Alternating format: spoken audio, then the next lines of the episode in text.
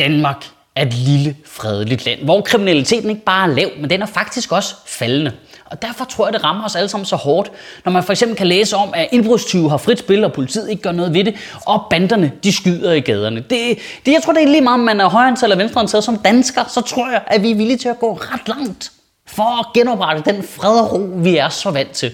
Og derfor blev vi alle sammen også totalt lykkelige, da vi fandt ud af, at en gruppe fædre på Nørrebro havde forhandlet en våbenhvile på plads mellem de to rivaliserende bander Loyal to Familia og Brothers. Og hvad? Hvad? Nå, sorry, det er mig. Det er vi åbenbart sure over. Vi er sure over, at nogle fædre forhandlede en våbenhvile på plads. Det, det er jo det er mig, der tager fejl. Jeg læser det helt forkert. Det er åbenlyst. Det er selvfølgelig en dårlig ting, fordi Hvorfor er, det, hvorfor det en dårlig ting igen? Nå, fordi mødet mellem banderne foregik i en moské ude i Nordvest, og så har det noget med muslimer at gøre, og så kører den store mediebus, tada!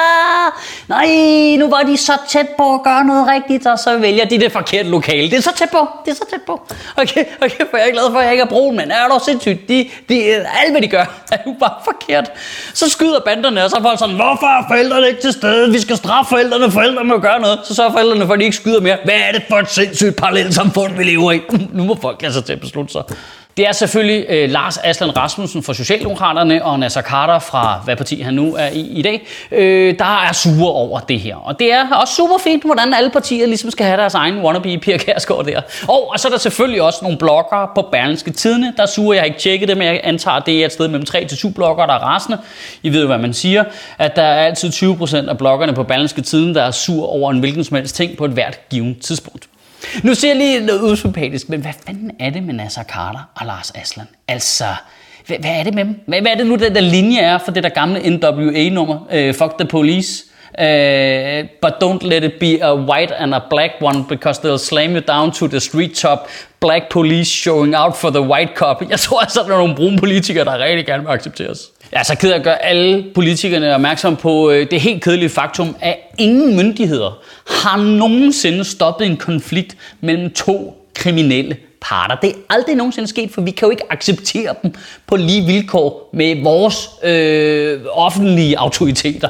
Det kan jo ikke, det kan jo ikke lade sig gøre jo. Det, det, vores bedst, bedste mulighed det er at fange dem alle sammen og putte dem alle sammen i fængsel, men så fortsætter konflikten jo bare ind i fængslerne. Altså, de er jo nødt til at egen drift og opdage, at det er en dårlig idé. Det er politiets bedste mulighed. Det er simpelthen at hamre så hårdt på dem, at det går ud over forretningen. Så på et tidspunkt, så holder de simpelthen op med at slås, fordi de holder op med at tjene penge. Det er altså ligesom best case scenario. Jeg ved, jeg ved simpelthen ikke, hvad der er, der sker inde i hovedet på de der politikere der. Altså, hvad er det, de forestiller sig? Skulle kommunen have lagt lokaler til? Og så kunne Loyal to Familia Brothers have mødtes ned på kommunen eller hvad? Ja, hvis I lige uh, logger ind med jeres nemme idé og lige godkender fredsaftalen, så vil det være helt super. Ej, men, øh, altså helt seriøst. Okay, lad os, okay, nu leger vi tanken. Vi leger tanken, at det vi har set ske, det er, det er imamer, der udøver deres magt. Det er parallelsamfundet, der virkelig viser, hvad det kan. Altså, det er åbenlyst ikke det, der foregår. Det er åbenlyst civilsamfundet, der viser, hvad det kan. Men lad os bare lege. Vi, nu leger vi med på øh, den, den der ondskabstanke der. Det er parallelt samfund. Okay, så lad os lige tage de to parallelle samfund og holde dem op mod hinanden og så sige, hvordan øh, har de egentlig prøvet at løse de her problemer? Hvordan har det danske djøf-samfund prøvet at løse bandekonflikten? Øh, vi gør bander ulovlige. Sådan der, så tror jeg nok, at hvis øh, de typer på plads, så er det ulovligt for dem at mødes og lave ulovlige ting. Tag den. Det er kun danskere, der er så dumme at tro, at det har nogen former for effekt på folk, der render rundt og skyder på hinanden, som er endnu mere ulovligt til at starte med, for helvede. Og hvordan håndterer det ondskabsfulde muslimske parallelsamfund så situationen, når, når, når de samler folk, snakker med dem, får dem til at holde op? Okay, okay. Altså hvis du vil stille det sådan op, så er jeg ked af at sige det, så er det altså stille og roligt 1-0 til muslimsk parallelsamfund. Prøv, prøv at forestille dig, hvor relevant folkekirken havde været, hvis den havde stillet lokaler til rådighed for at løse rockerkrigen dengang.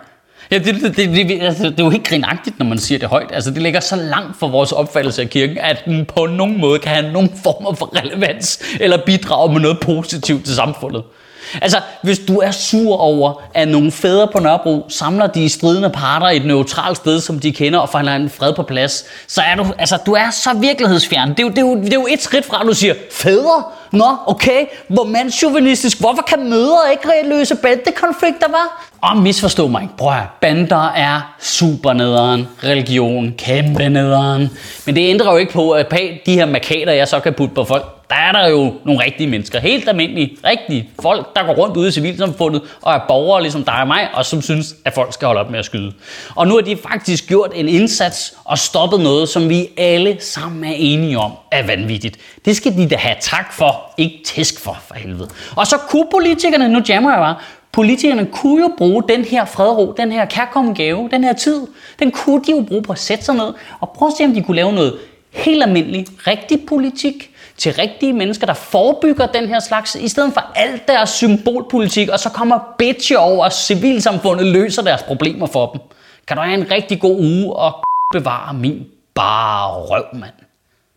Fuck, hvor har jeg svært ved at sige loyal to familia uden ironisk distance. Det er det mest bøvede navn nogensinde. Det lyder som sådan en Anders Madsen-figur ville sige en eller anden tv-serie. Åh, oh, gift mand, så far skulle lige være nede over grænsen og hente nogle royal to familia.